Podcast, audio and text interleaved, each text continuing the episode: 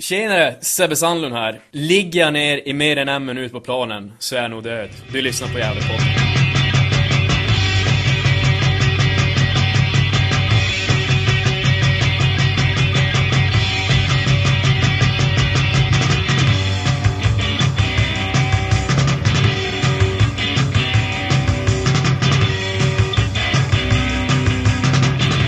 Ja, hallå och eh, hjärtligt välkomna till Gävlepodden och eh, Gävlepodden nummer 173.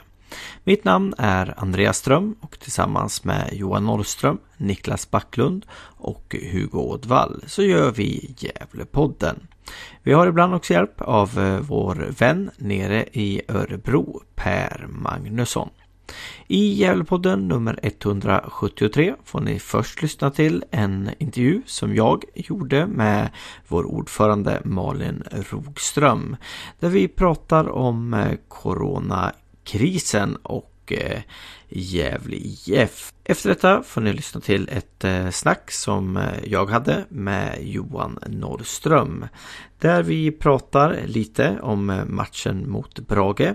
Vi analyserar lite grann vad Malin Rogström sa i intervjun. Vi pratar också om att Gävle IF har tänkt att ha haft åskådare på matchen mot Hudik på lördag.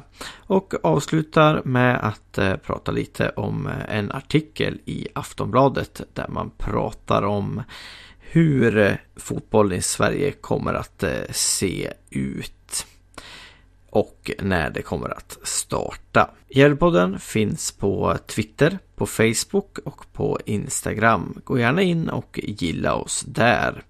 Vill du att vi ska göra bättre poddar än så här så bli gärna en eh, Patreon till Gävlepodden. Gå in på www.patreon.com Gävlepodden och skänk minst en dollar varje månad. Då får man också tillgång till eh, lite extra material och eh, en del intervjuer och poddar tidigare än alla andra. Med det sagt så vill jag önska er alla en trevlig lyssning.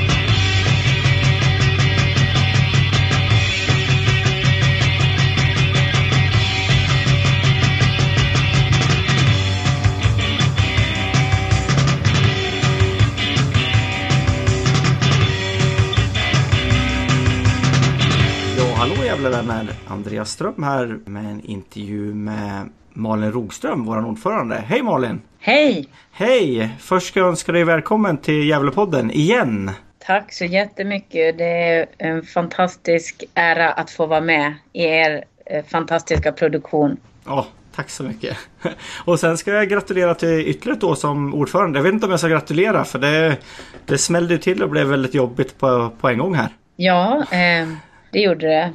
Ja, nej men det är eh, fantastiskt att få det förtroendet. Men visst är det väl så att en, ett år som såg så ljust ut som Gävle IFs 2020, eh, men vi påverkas ju alla av den coronakris som pågår just nu. Ja, man kan ju säga att du, du har inte haft så lätta år här som ordförande i Gävle. Nej, det är intressant inför årsmötet för då satt vi och på något sätt gick igenom och gjorde någon slags liksom tillbakablick eh, både ekonomiskt och vad har hänt i föreningen och så. Då inser man verkligen oj, oj, oj. Det var tuffa år i synnerhet 17 och 18 ja, och även 19. Eh, framförallt 17 och 18 var ju jätte, jättetuffa. Om vi går in på, på den här krisen som, som hela världen eh, påverkas på och där fotbollen egentligen är en väldigt liten del av, av det som sker i, i världen och med ekonomi och, och allting. Men som eh, eh ja, både du och jag bryr oss om Gävle IF och, och funderar på hur det ska gå. Eh, jag har fått lite frågor från eh, från eh, fansen så jag tänkte jag skulle ställa dem till dig. Eh, vet du när beslut tas om seriespel? Eh, nej, vi har ju ganska intensiv kontakt inom ettan fotboll och med Johan Englund som är ordförande där. Och det besked som vi sitter med nu det är ju att beslut ska komma inom några dagar. Det är vad vi vet. Och vi har förstås tryckt på och fått lämna in massa fakta, olika prognoser, eh, siffermässiga underlag och så vidare för att man ska kunna fatta ett så bra beslut som möjligt då. Men eh, det förs dialog nu med Svenska Fotbollförbundet och beslut ska komma inom loppet av några dagar. Så jag hoppas att vi i början på nästa vecka, senast måndag, vet mer. Mm. Eh, om man säger att det inte blir något, ett scenario där det inte blir något seriespel alls i, i april-maj. Att det skulle bli som det troligtvis blir för Allsvenskan då. Hur, hur står sig Gävle ekonomiskt då när det gäller spelarlöner och sånt? Eh, jag menar publikintäkterna är väl ändå en, eh, inte allt, men en, en, en stor del av, av, av inkomsterna om man säger så. Är Gävle rustad för att klara av det rent ekonomiskt? Eh, jo, men eh, en sån eh, uppskjutning skulle vi enligt de preliminära scenarierna som vi har tittat på, det skulle vi ha mycket sponsorintäkter in i under kvartalet eh, till exempel, mycket deltagaravgifter, medlemsavgifter, så vi har ganska mycket intäkter så här i början på året. Eh, så det i sig är väl ingen egentlig, ingen egentlig katastrof det som man kan vara, sjunker ganska mycket i slutet av året och att då belasta sista kvartalet också med mer kostnader, det är vi nog alla ganska känsliga för. Det vill säga, måste vi förlänga kontrakt? Sitter vi med mer kostnader i form av resor och så vidare senare på året? Det blir tuffare. Eh, men eh, det vägs ju förstås upp om vi får spela en serie med mycket och bra, bra med publik eh, innan dess. Så det går ju faktiskt att påverka. Ja, för att eh, alltså, det, det finns ju lite olika för att spela vinterfotboll i Gävle är ju ingen större hit och inte i Luleå heller tänkte jag säga. Så att hur, hur ställer sig Gävle eller hur, hur tänker du liksom kring, kring de här frågorna? Nej, men jag tror att givet eh, som det ser ut just nu i samhället och de riktlinjer som vi får från myndigheter, bland annat Folkhälsomyndigheten, så eh, det, ja, jag skulle bli ypperligt harmonisera eh, ettan med övriga svenska ligor, det vill säga superettan och allsvenskan, att vi har en förhoppning om att vi skulle kunna komma igång fram emot juni. Eh, men då vill det till att vi också ja, klarar av att, att, att ja, den här smittspridningen blåser över och att det mattas av när det blir varmare ute och så vidare och så vidare. Och vi vet ju egentligen ingenting om det. Eh, och där tror jag ja, Folkhälsomyndigheten, han Anders Tegnell sa väl i något uttalande att jo, jag förstår att det skulle vara bra för fotbollen att komma igång i juni, men frågan är om det är det bästa för samhället. Men så är det ju. Eh, nu kommer jag in på lite saker som kanske inte stod här, men det blir, en, blir intressant. Eh, jag håller ju på Bollnäs GIF i, i bandy till exempel, Bollnäs mm. som jag är. Och de, de sa upp alla sina spelkontrakt nu ja, på grund av det här och, och, kanske också för att de inte har fått in de pengarna den här säsongen som de har eh, fått in liksom. Men hur långt skulle Gävle IF vara ifrån ett sånt scenario? Är det liksom om det hela säsongen inte blir av tänkte jag säga och, och liksom ja. Är det någonting ni har funderat på alls? Ja, alltså det är ju... Det, det blir en, ett annat scenario för banden än för oss. Man är i slutet av en säsong. Då är det lättare att ta till sådana åtgärder. Vi vill ju spela. Vi, vi såg ju väldigt mycket fram emot eh, den här säsongen i år. Eh, med det lag vi har, med det, den go vi har. Både liksom i dam och herrlag och i hela föreningen på många sätt. Eh, eh så att säga upp samtliga spelarkontrakt det är ju inte ett troligt scenario nu. Det gör man ju bara om hela säsongen skulle bli inställd. Mm. Eh, och ditåt pekar ingenting i nuläget i alla fall. Eh, det som vi får titta på, som vi håller på att titta på, det är ju också med stöd av Svensk Elitfotboll och Svenska Fotbollförbundet.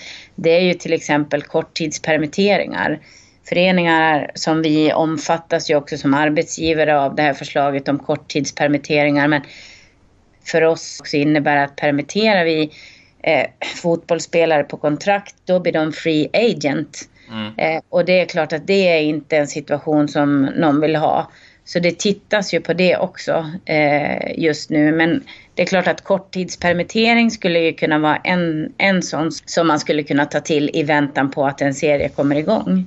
Eh, den här, det här krispaketet som regeringen kom ut med nu, jag tror att det var 500 miljoner man pratade om senast idag. Eh, är det någonting som Gävle IF kommer att få ta del av och eh, eh, vem sköter de intressena från Gävle? Jag är lite sådär rädd att det ska liksom äta upp att ettan ska komma i skymundan och, och, och lite grann från allsvenskan och superettan och, och sådär. Vet du någonting om det?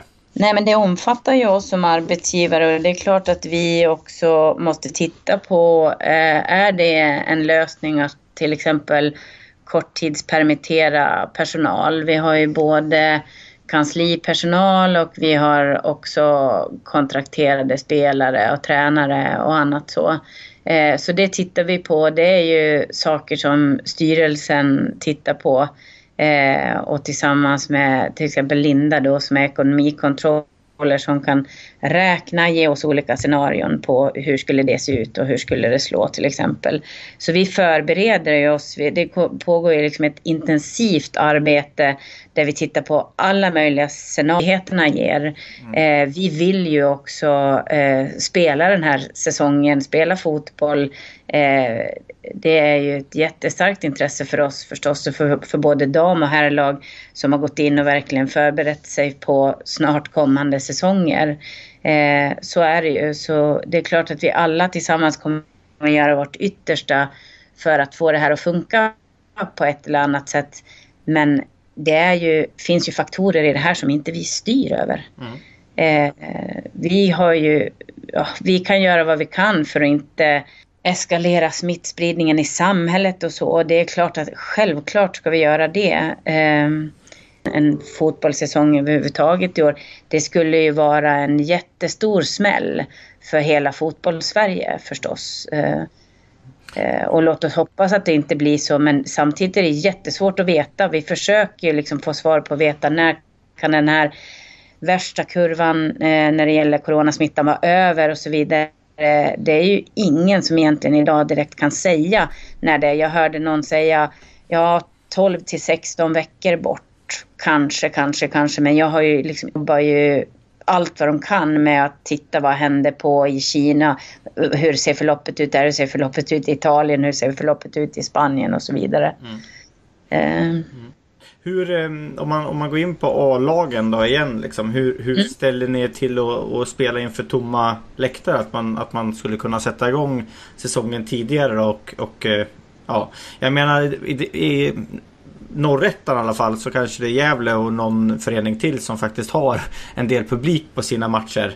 Eh, annars så, jag menar de andra, många av föreningarna kanske inte påverkas lika mycket som, som Gävle och kanske Sandviken och, och någon klubb till gör då.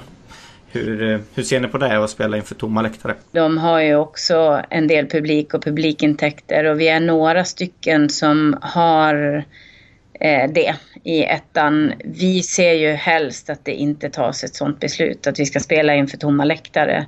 Eh, för Gävle IF så skulle det ha ekonomiska effekter. Mm. Vi är beroende av att få in eh, de här publikintäkterna. Det är det som håller vår ekonomi rullande. Det skulle vara ett förödande ekonomiskt beslut för oss. Mm. Om man tar beslutet att vi ska spela inför tomma läktare på Gävle IF liksom? Hur mycket får ni vara med och, och lyssna och, och tänka och sådär i det här? Nej men vi går ju genom våran intresseorganisation. Eh, man påverkar via egna personliga kontakter. Det går ju också. Vi jobbar eh, primärt eh, mot ettan fotboll och eh, den ordförande som vi hade, Johan Englund. Jag tycker de har varit väldigt öppna och vill ha in faktaunderlag, vill veta vad vi tycker och tänker och så vidare. Så hittills, innan något beslut eh, är fattat då, så tycker jag att den dialogen har funkat väldigt bra. Och vi möts av stor respekt och stora öron, tycker jag. Eh, och det gäller också när man pratar med folk på förbundet och även på Gästriklands fotbollsförbund, för de kan ju också trycka på genom sina kanaler om man säger så. Då. Så att eh, dialogen förs på ett bra sätt men jag ja, ja, ja, man känner ju sig fortfarande orolig innan något beslut är fattat. Det, det måste jag ju säga. Eh, jag har några allmänna frågor också. Eh, som kanske mm. är svåra att svara på nu när det har blivit så här egentligen. Säsongen blir ju lite upp och ner precis som, som resten av, av samhället. Men vi kan väl försöka i alla fall. Klart att vi försöker. Jag tänker så här också. Hur det än blir. Vi kommer att fightas och försöka göra vårt absolut bästa för att få det här att snurra. Vi har och hade något väldigt bra på gång eh, på många sätt och vis inför det här. Vi är ju beredda att kämpa för det på alla de sätt och vis. Och jag tror också, ur kriser så föds också möjligheter. Och vi måste ju vara vakna och vara på tå för att också kunna se de möjligheterna och ta vara på de möjligheterna. Så jag tänker att eh, vi gräver inte ner oss och tänker inte att det är nattsvart. Vi är luttrade i Gävle IF. Eh, vi vet att eh, ur kriser kan det också liksom komma något bra. Så det viktiga för oss nu det är att ha, att ha uthållighet, eh, jobba med det vi kan jobba med och givetvis också ta vårt samhällsansvar eh, och motverka den här smittspridningen samtidigt som vi förstås också vill verka för ett bra fotbollsår. Har man eh, om det nu blir, om vi säger att det blir att blir startar i juni eller att det skjuts upp. Vi kanske inte får reda på ens när det ska, ska starta. Eh, kommer det att bokas in fler träningsmatcher då, då kontinuerligt liksom? Så att man spelar fotboll framåt efter Hudiksmatchen om man säger så. Ja, det beror ju också på vilka riktlinjer vi har från myndigheterna förstås. Men eh, vi utgår ju från det att vi måste ju hålla igång våra spelare. Om, om, det, om starten skulle skjutas upp sig mot maj, juni då, eh, så kommer ju inte våra spelare kunna vara lediga eh, ända fram tills dess. Utan vi måste ju hålla igång. Så eh, det är ett mycket, mycket möjligt scenario att vi i sådana fall måste ha igång fler träningsmatcher om myndigheternas riktlinjer så tillåter. Mm.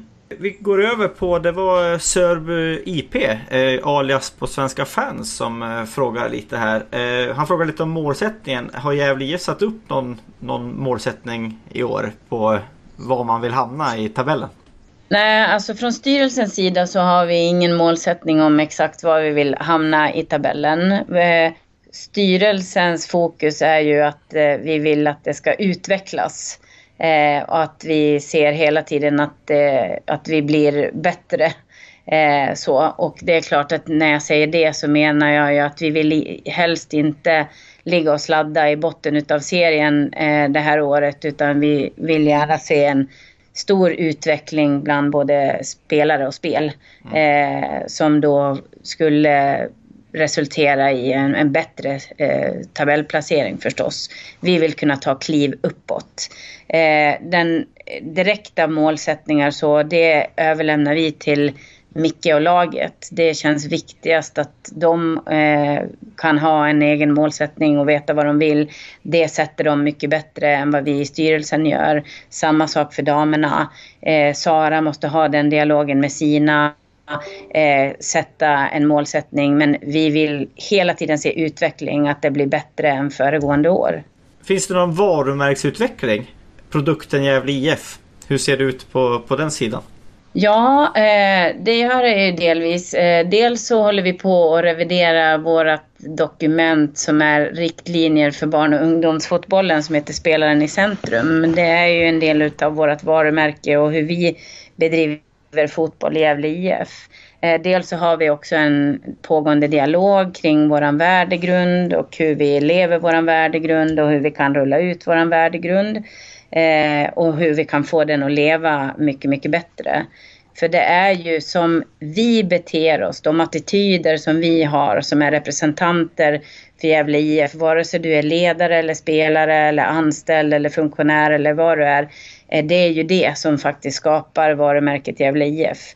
Och givetvis är det också i kombination med de resultat vi når eh, på plan och hur spelet ser ut, vilka prestationer vi gör. Eh, så det finns en pågående dialog kring värdegrunden. Borde vi revidera den? Eller handlar det mer om att vi verkligen måste få ut den och fullt ut leva som vi lär? Mm. Jag tror du svarar nästan på nästa fråga där. Det var hur jobbar föreningen idag med ungdomsverksamheten? Finns det något stöd till Anders Berg? Hur jobbar man med att locka nya till att spela med Gävle IF? Mm. Mm.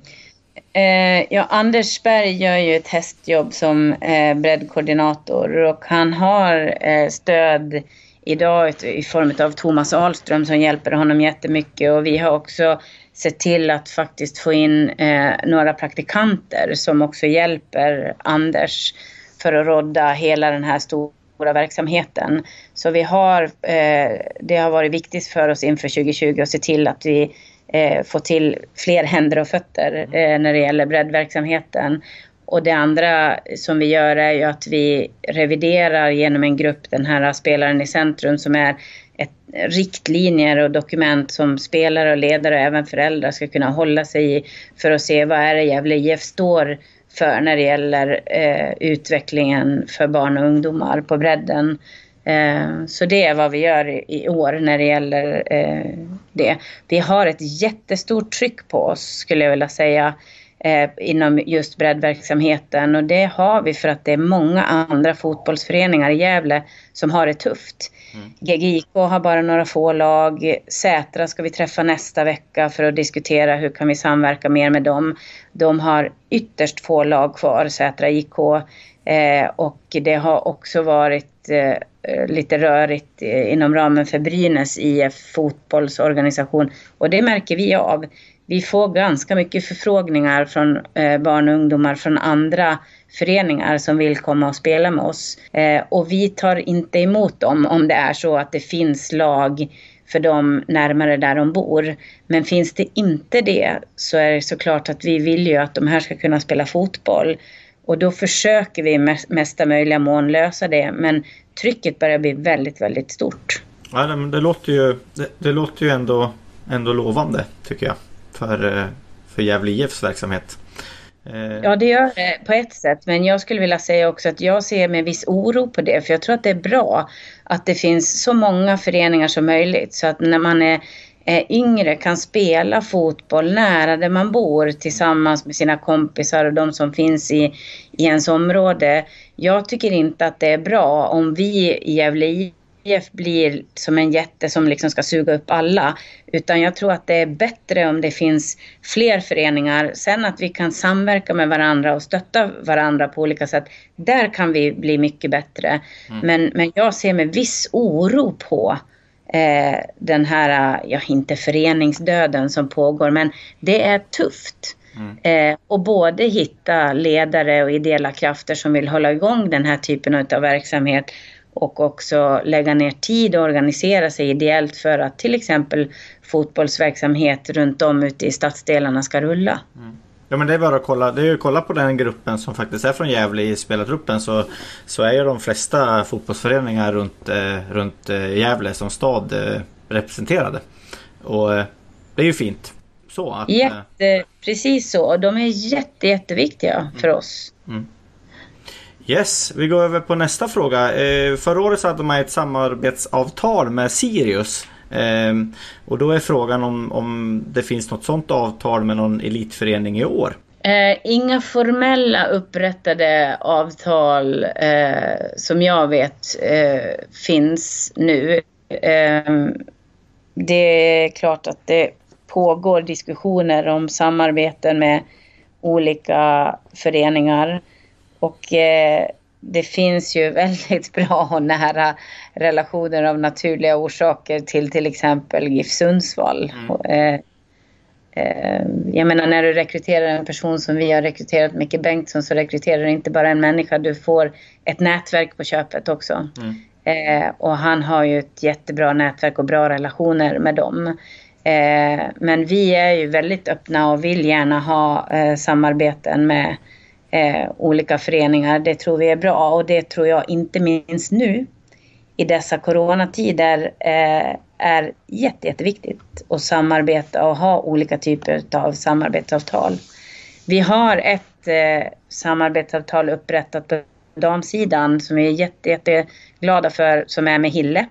Eh, där har vi ett samarbetsavtal och vi, kommer, vi har faktiskt också ett formellt på ungdomshärsidan och det är med Valbo. Där vi kommer köra ett division 4-lag tillsammans med Valbo. Eh, dels för att ge utrymme till våra akademispelare som kanske inte får så mycket speltid kommer att kunna spela i division 4 eh, tillsammans med Valbo också. Ja, det låter ju det låter bra tycker jag. Det gäller att, att säsongen kommer igång bara så vi får se lite fotboll. Att, eh, att Corona försvinner så fort som möjligt. Eh, ja. ja. Du, eh, först ska jag tacka Niklas Backlund, Johan Norrström och Ali eh, Ror M och Sörby IP för eh, att de hjälper med frågorna. Och så vill jag tacka Malin Roström för att du tog dig tid att vara med i Gävlepodden. Tusen tack och jag vill då passa på att säga också tack till alla er som bryr er om Gävle IF och inte minst alla supportrar. Det betyder jättemycket för alla de som på något sätt är i eh, verksamheten. Och vi kommer att behöva nu framåt, givet den här coronakrisen, verkligen eh, fortsätta ha de här nära relationerna, jobba tillsammans eh, för föreningens bästa. Så vi uppskattar jättemycket ert stöd och ert engagemang. Det kommer vara livsviktigt för oss framöver. Ja, vi kan väl passa på att tacka de 43 stycken som var med och bidrog till den här uh, lilla insamlingen som vi drog igång lite spontant där i Gävlepodden inför, inför matchen mot Valbo där. Eh. Jag kan verkligen säga att det uppskattades fantastiskt mycket. Eh, en verkligt, verkligt eh, fin gest. Tusen tack för det. Ja. Eh, tack Malin. Tack så jättemycket. Eh, håll tummarna för att det här blåser över utan att, att det blir allt för stor skada på oss människor och på, för eh, samhällsekonomin så att vi kan få återgå så snart som möjligt till något som är lite mer normalt.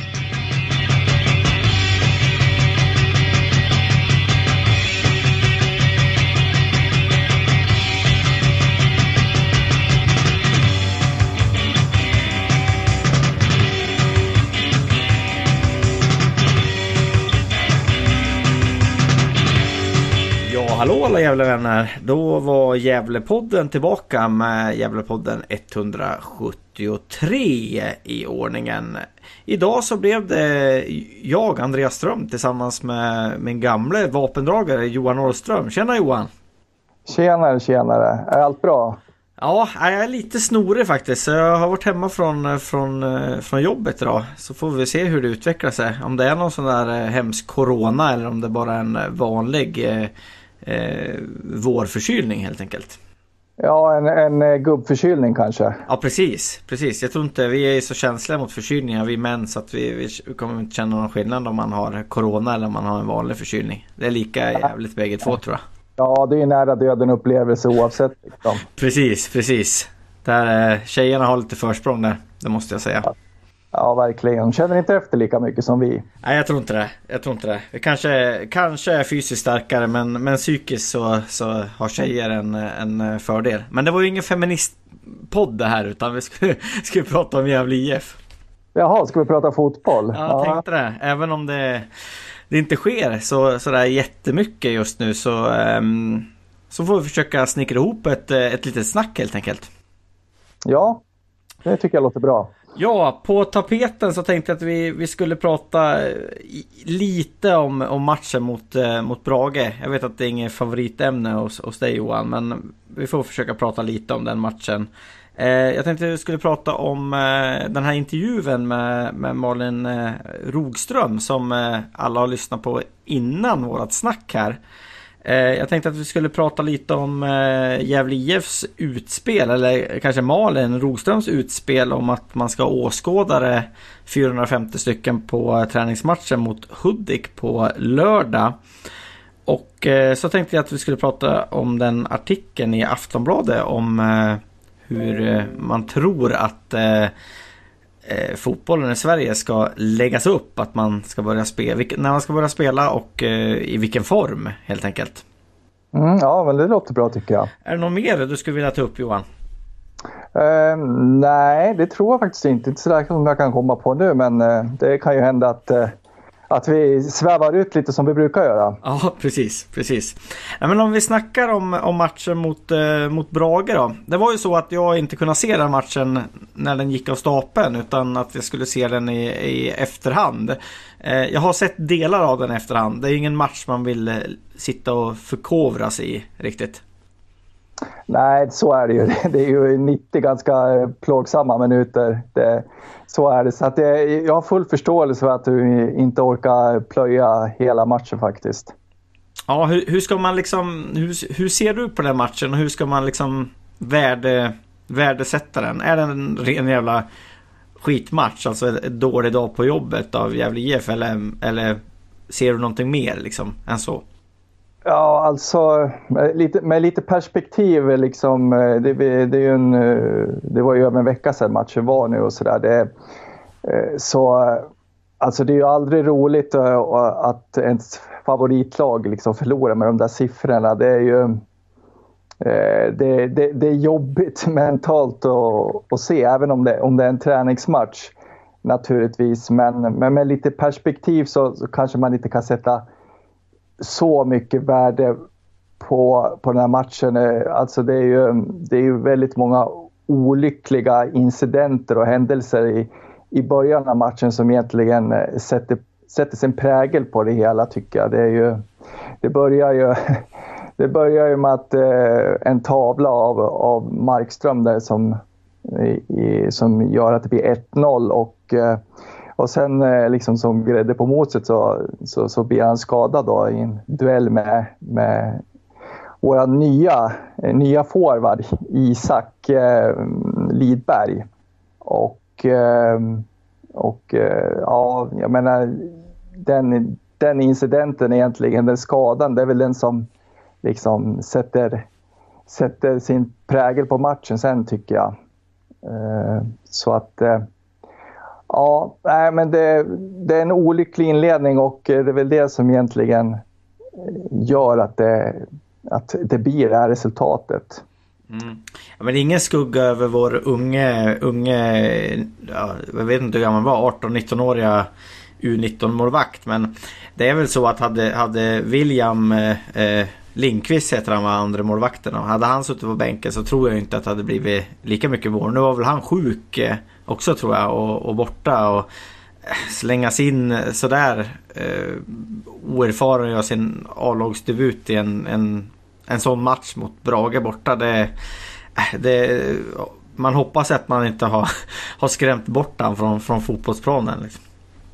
Ja, nej, alltså, jag vet att du, vi pratade om det tidigare, eh, jag vet inte häromdagen, just om att han är ju i och för sig van att släppa in mycket mål för att U19 hade ju en en, en tung säsong förra, förra året. Och det som du säger, han är, det, det är en eh, ung målvakt eh, och eh, väldigt otacksamt att liksom kliva in i, i, i, en match mot ett väldigt, väldigt duktigt Brage. Ett, ett väldigt bra drag. Brage som, som säkert, säkert satsar liksom på att gå upp mm. i allsvenskan.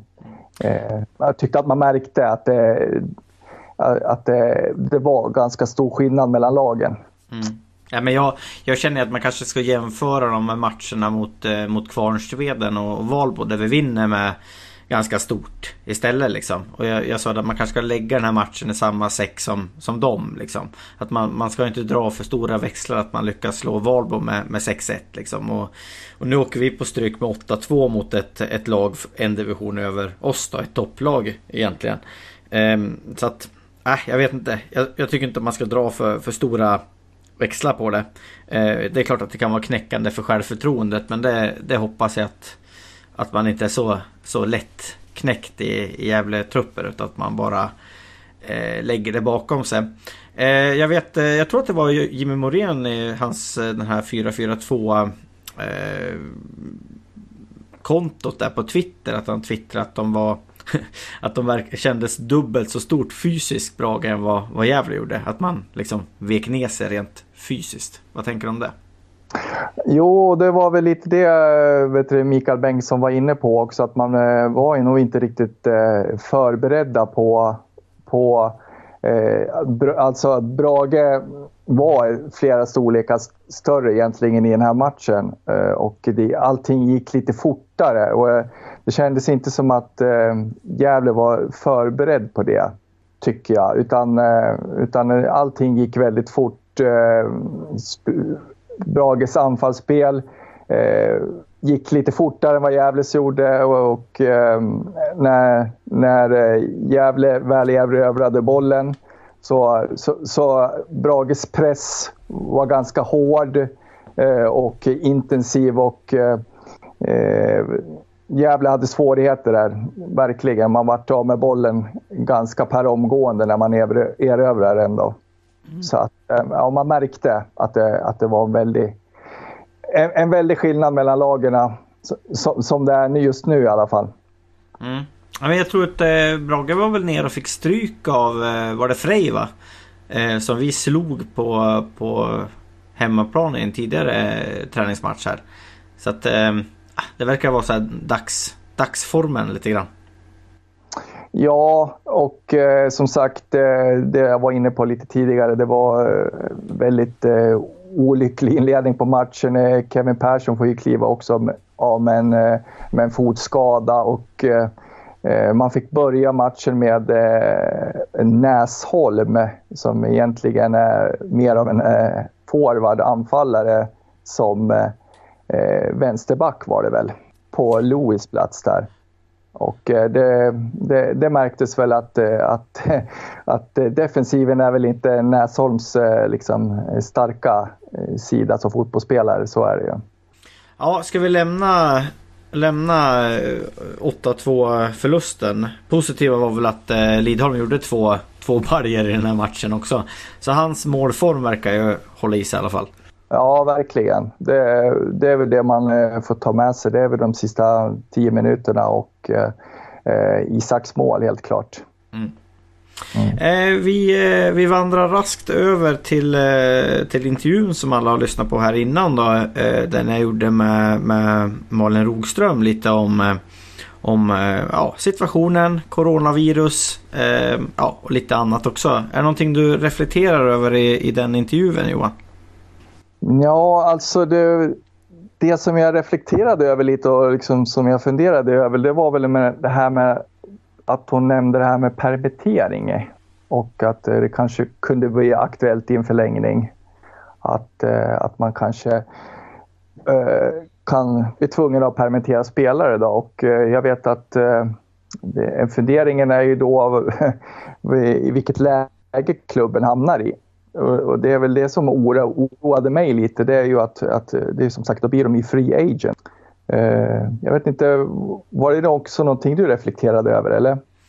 Eh, ja, precis. Det var, men det var ju hon som sa det att de blir, eh, de blir väl free agent, Så det kanske man inte kan göra heller. Men jag menar AIK har ju gjort det nu. Och de, de måste ju vara så som du sa innan här vi började prata. Att att de har fått spelarna att skriva på någonting. Ett kontrakt om att de inte går någonstans under, under den här tiden. Utan att de är AIK-spelare men att ja, det är väl staten som går in och betalar lönen helt enkelt. Mm, för att klubben ska överleva då.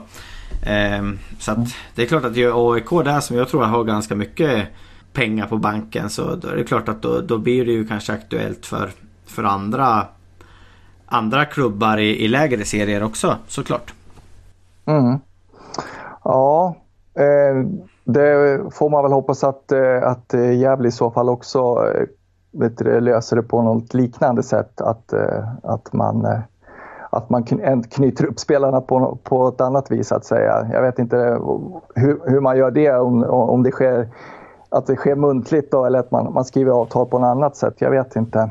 Nej, och sen är ju frågan, kan man göra det med vissa spelare men inte med andra? Alltså hur, hur ser man på det? Måste det vara hela truppen eller, eller kan man liksom eh, eh, Om alla går med på det utom tre kan man fortfarande betala lön till de tre då för att behålla dem under kontrakt? Eller, ja, jag vet inte hur sånt där går till. Det blir en massa frågor i, i huvudet på en liksom.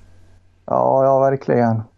Eh, jag vet att jag pratade lite med med Julio Fernandes återkommer till Gävlepodden ganska ofta men eh, nu, nu hade tydligen Ytterhogdal sagt upp kontraktet med, med honom. Jag vet inte om han har gjort det med alla spelare eller om det är deras utländska spelare bara. Eh, så de är ju klubblösa allihopa nu så han är väl på väg hem till Brasilien igen tror jag. Mm. Ja, jag vet inte, har Ytterhogdal några svenska spelare? Jag vet inte. Det, det, det är verkar... mest engelsmän va? Ja, engelsmän och, och någon skotte och sådär vet jag. Mm. Från Skottland och sådär. Och, ja, och så Julio då. Ja, det låter ja. som de har, de har fått eh, ja, att kontrakten har upphört hos, hos alla då. Eh, då blir det roligt för dem att spela fotboll i maj i division 2 sen. Det är ju lite svårt då kanske. Ja, ja precis. Det intressant lösning. Ja, precis. På något vis. Ja. ja. Nej, men det är ju alltså det är ju, jag tycker att det verkar bli mer och mer desperat liksom. Det kanske är finare att göra som Elfsborgs spelare gjorde. Att de halverade sin lön frivilligt allihopa då. Eh, istället. Så att, eh, under den här perioden. Så att eh, ja, det finns ju olika, olika lösningar. Sen kan jag säga att jag blir li, lite grinig alltså när, när professionella klubbar går ut och tigger pengar av fans som, som kanske är arbetslösa om någon månad liksom. Eh, det tycker jag är ganska eh, eh, ganska fult faktiskt. Jag kan tycka att fotbollsspelare som tjänar ändå så pass mycket pengar i Allsvenskan som de gör kan gå ner i lön istället och, och hjälpa sina, sina klubbar när de har det, har det svårt. Liksom. Ja, absolut. Jag håller med. Och det vet jag också att det var någonting som vi, vi pratade om häromdagen, du och jag också. Att, eh, ja, alltså det, vad kan det handla om nu då? Om, om vi om förhoppningsvis kommer igång i början på juni. Vad är det, två eller tre månadslöner då, som, man, som, man, som man kanske skulle kunna, kunna gå ner lite i då, för, för att liksom kunna eh, rädda klubben. Då. Ja, det finns ganska många eh, allsvenska fotbollsspelare som tjänar 100 000 i månaden. Och jag menar, har du dragit in eh, eh, 1,2 miljoner förra säsongen så, så lär du ju klara det utan utan pengar i två månader. Det kan man ju mm. tycka. Ja, verkligen. Framförallt med tanke på hur det ser ut i världen just nu. Mm. Ja, så är det Ja, ska vi gå vidare till, eh, till det här utspelet som eh, har varit nu i, ja på Twitter har det varit lite krig mot, mot Gävle IF och det har väl skrivits lite om det och sådär att man, man har funderingar på åskådare mot eh, Hudik då på, på lördag. Eh, vilket jag tycker är helt uppåt väggarna faktiskt. Jag tycker inte att man ska eh, eh riskera eh, någonting egentligen för, eh, för träningsmatcher. Eh, man säger att man kan sprida ut eh, publiken då men jag menar det kommer ju sitta två och två och tre och tre i alla fall. Så att nej, jag tycker faktiskt att eh, spola det och se till att, eh, att eh, någon sänder matchen på tv istället och, och kör en eh, en frivillig Swish-kampanj? Eh, ja, jag håller med dig. Nu har jag missat den här eh, Twitter-kritiken lite. Jag har ju mest jobbat eh, eh nonstop eh, här nu ett par dagar och eh, jag har inte, har inte haft riktigt koll på vad som är skrivet på Twitter och sådär. Men, men i övrigt så tycker jag absolut, eh, precis som du, att eh, man borde spela matchen publikfritt och att, eh, att man eh, går ut ganska hårt och ändå lanserar en sån här Swish-kampanj och, och eh, ser till att få in kanske lite intäkter därigenom istället. Så är det. Så att, eh, nej, ja, jag tycker att det är en dålig idé. Så att jag tycker att den, den kan man eh, lägga åt sidan. Spela utan publik mot eh, Hudik och se till att eh, GD eh, Mittmedia sänder matchen istället. Ja, och eh, jag vet inte, det blir, eh, det blir liksom lite dåliga vibbar också, lite, vad ska man säga, badwill också i, kring det där om, om man nu ska försöka dra igång någon publikmatch i, i det här läget som är nu. Mm. Men jag undrar, jag undrar eh, liksom i vilket syfte vill man göra det liksom? Eh, jag såg att Malin skrev att det fanns ett sug efter fotboll. Men det, det tycker inte jag är skäl nog att riskera en sån grej liksom. Ehm, och, och, vissa på forumet spekulerar ju att det skulle vara ekonomiskt då. Men jag menar, eh, det är ju småpengar i, i sammanhang på en, på en träningsmatch. Det brukar ju vara att man får swisha valfritt, valfri summa liksom. Eh, vi som är där eller de som är där. Så att, nej, jag vet inte, jag har, jag har svårt att se vad, vad det är som gör att man, man vill göra det liksom. Ta in 450 pers på, på Gavlevallen liksom. Ja, jag har också svårt att se att det skulle eh, vara på grund av eh, att man behöver ha in pengar, att det skulle vara någonting ekonomiskt egentligen. För att det är precis som du säger att det kan inte, det kan inte handla om särskilt mycket pengar. Och jag skulle väl kunna tänka mig att om man gör det seriöst och gör man det ordentligt via de sociala kanaler som finns ute på nätet så, så, så kan man säkert få ihop eh, samma summa genom att vet du, folk swishar. Då. Mm. Jag, vet, jag vet ju att Bollnäs gjorde det där ganska framgångsrikt mm. eh, eh, via nätet. Jag vet inte, de fick väl in ganska mycket pengar, va, Bollnäs? Ja det fick de. Och ändå så sa de upp kontrakten på alla spelarna där också. Men eh, det var, ja, det var, det var bra. Eh, jag tror att det nästan var mer än, än de skulle haft på de här matcherna. Ja, precis. Och jag vet även att eh, Skutskär gjorde det inför eh, damfinalen där och det, det hade också gått riktigt bra. Så att, eh, mm. gör, man, gör, gör, man det seriöst och gör man det ordentligt så, så tror jag att man kan, man kan få in en bra slant. Nu, nu, är, det ju, nu är ju matchen i övermorgon så att det liksom känns kanske som att det tåget har gått då, i och för sig. Men... Mm. Ja men så är det ju. Eh, jag vet inte, vi drog ju igång den här senaste mot Valborg. Det var väl två dagar innan eller någonting. Så att, äh, men det skulle ju behöva göras, eh, göras seriöst från, från klubbens sida. Då.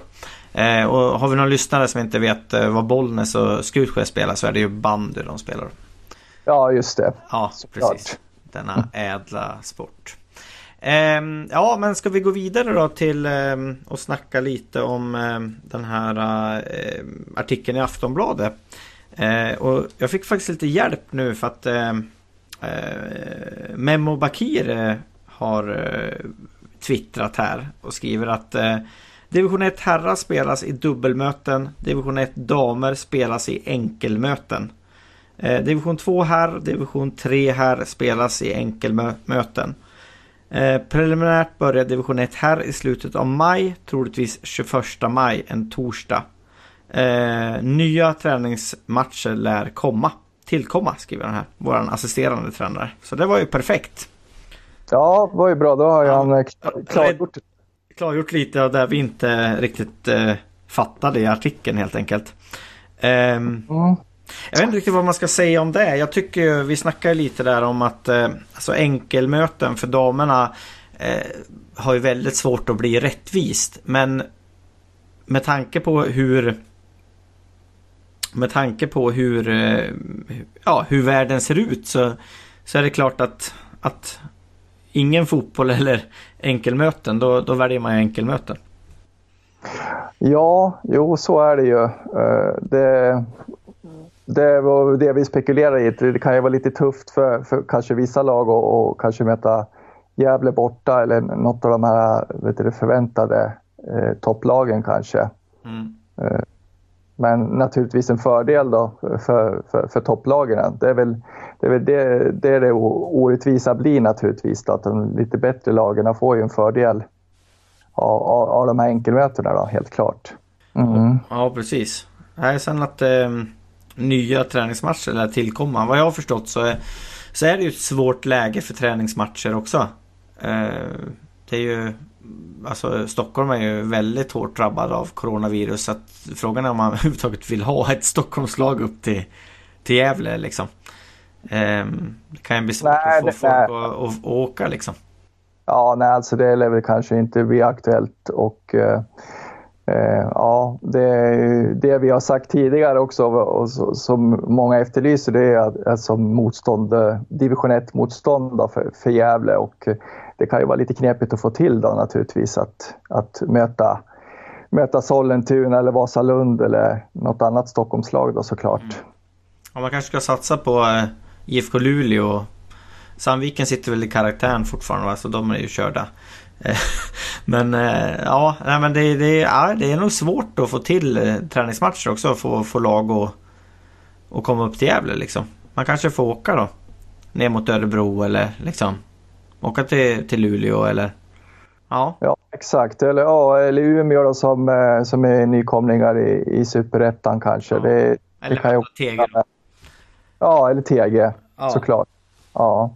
Men eh, nej, som sagt, jag tror att det är lite, det kan nog vara lite knepigt att få till de här, de här matcherna. Det, det tror jag ju för att det är ju som sagt var så, så uppmanar ju statsministern oss att, att röra oss så lite som möjligt inom landet också. Så att eh, ja, det är ju helt klart en, en knepig, knepig situation. Och, eh, fotbollen är ju är ju sek- sekundär liksom. Men, men för mig så, så är ju sport är ju en väldigt stor del av livet. Och, och som det är nu när det, det finns ingen sport att kolla på på tvn överhuvudtaget. Och man ställer in eh, mästerskap och OS kommer att ställas in. Och det är klart att det, det, det blir ju det blir lite tungt alltså. Ja, exakt. Och eh, det är kanske det Malin vet det, menar med att det finns ett sug efter fotboll naturligtvis. Då. Men, eh, men eh, som sagt, det går att, det går eh, att se den publikfritt. Och eh, ja, det är väl eh, framtiden får utvisa. Det, det ska bli spännande att se vilka, vilka lag de kommer att möta. Och vilka spelare som finns i de lagen. Menar, Ja. Det är ju faktiskt osäkert också. Jag menar nu har ju de flesta värvat klart liksom i division 1 men jag menar har har Karlslund råd att sitta med sin trupp? Eller Berga liksom? Eller ja, det är Ja det är ju det är ett ja, prekärt läge alltså. För, för Ja. alla klubbar och, och företag och allting i och för sig. Så att ja. Mm. Ja, det, jag vet inte. En sån här sak som bara ploppar upp att det kanske kan vara en fördel att vara semiprofessionella nu i alla fall hur som helst. För att eh, det är väl, eh, de flesta har ju ändå en sysselsättning förutom eh, fotbollen då, om, om, om man tänker på Gävle i alla fall. Eh, De har ju arbeten, många av dem. Mm. Ja men så är det ju och, och, men det är, det är klart att det, det sitter ju säkert några med, med lite dyrare kontrakt men som jag förstod det på Malin i den intervjun som, som jag gjorde där så, så kan man ju omfördela man kan omfördela eh, där man får in liksom. Att, det, att sponsorintäkter täcker mer nu och sen, sen täcker inkomster från publik och så eh, mer på, på, eh, på hösten sen då. Mm. Ja, det beror ju på, det beror på vilka sorts företag man har som eh, sponsorer också naturligtvis. För att det är, de, många företag blir ju väldigt eh, drabbade av den här krisen också. Så att eh, man, man, man vet ju inte vad de kommer att ha för ekonomi här framöver heller. Nej, så är det ju. Så är det ju. Så att, eh, sen är det ju beroende på hur mycket av det som är betalt redan också då. För den här säsongen. Så att, eh, ja, nej, det är... Det är jobbigt för, för Gävle IF, för fotbollen, men det är också jobbigt för, eh, för alla, alla företagare och småföretagare och, och sånt. Jag sa det, jag var inne i, i Femmanhusen nere i Göteborg och de här restaurangerna som ligger där liksom. Det sitter ju en person på varje. Och jag menar hyrorna där inne är ju helt hutlösa. Så jag sa det, det är ju liksom en månad utan folk så går de ju omkull allihopa liksom. Mm. Ehm, och och så, så ser det ju ut. Och man får ju hoppas att, eh, att, eh, att Gävle IF klarar sig och att eh, ja, fotbollsklubbarna klarar sig. Att, att man, när man ska fördela de här pengarna från regeringen till idrotten att man inte glömmer bort division 1 och division 2 och, och sådär. Ehm, Nej, som, det, som, de, som de brukar göra. Det, Nej precis, och det var lite det jag sa till Malin också. Att, eh, men hon sa ju att ettan, ettan sköter ju Sköter ju eh, division 1-klubbarnas eh, intressen. Och, så Mm. att eh, ja, här är det bara att det är bara att hoppas att eh, det här går över och att eh, fotbollen kommer igång så fort som möjligt. mm, helt klart, så är det. Ja, ska vi nöja oss så Johan? Ja, men det kan vi göra. Det Ja, kan vi. har det, har det gott. Ja, men ha det gott du också.